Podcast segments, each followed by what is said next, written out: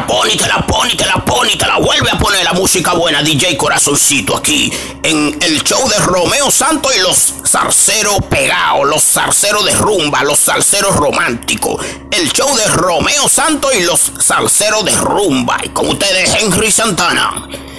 Gracias, Control Master. Control Master, voy a aprovechar un momentico aquí para hablar con mi buen amigo que está aquí, que una persona que siempre ha llevado a Romeo Santos por varios lugares, especialmente en los Estados Unidos, ¿no verdad, empresario? Eh, sí, especialmente en los Estados Unidos ha sido siempre, Romeo Santos ha sido un bachatero, es un bachatero completo que viene desde el grupo Aventura. Ustedes saben que Romeo Santos está con el grupo Aventura. Incluso Romeo Santos ha grabado con diferentes artistas y han sido eh, han, sido canciones que todavía han, estado en el top allá arriba de, de, la audiencia. Romeo Santos, donde quiera que nosotros lo llevamos, ha sido un lleno a casa llena.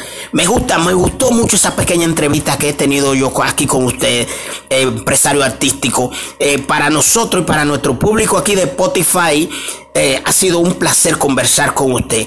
Ya para su despedida, ¿qué usted tiene que decir sobre nuestro show? Excelente.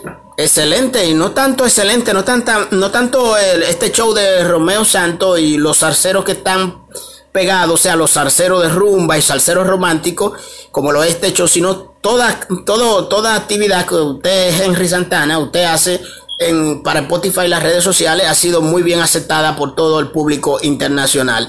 Muchas gracias. Esta ha sido la entrevista con nuestro empresario.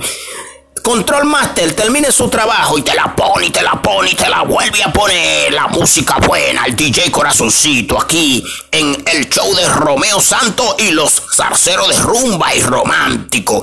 El show de Romeo Santo y los zarceros. Pa' que te lo goce. DJ Corazoncito, ponle la música al público.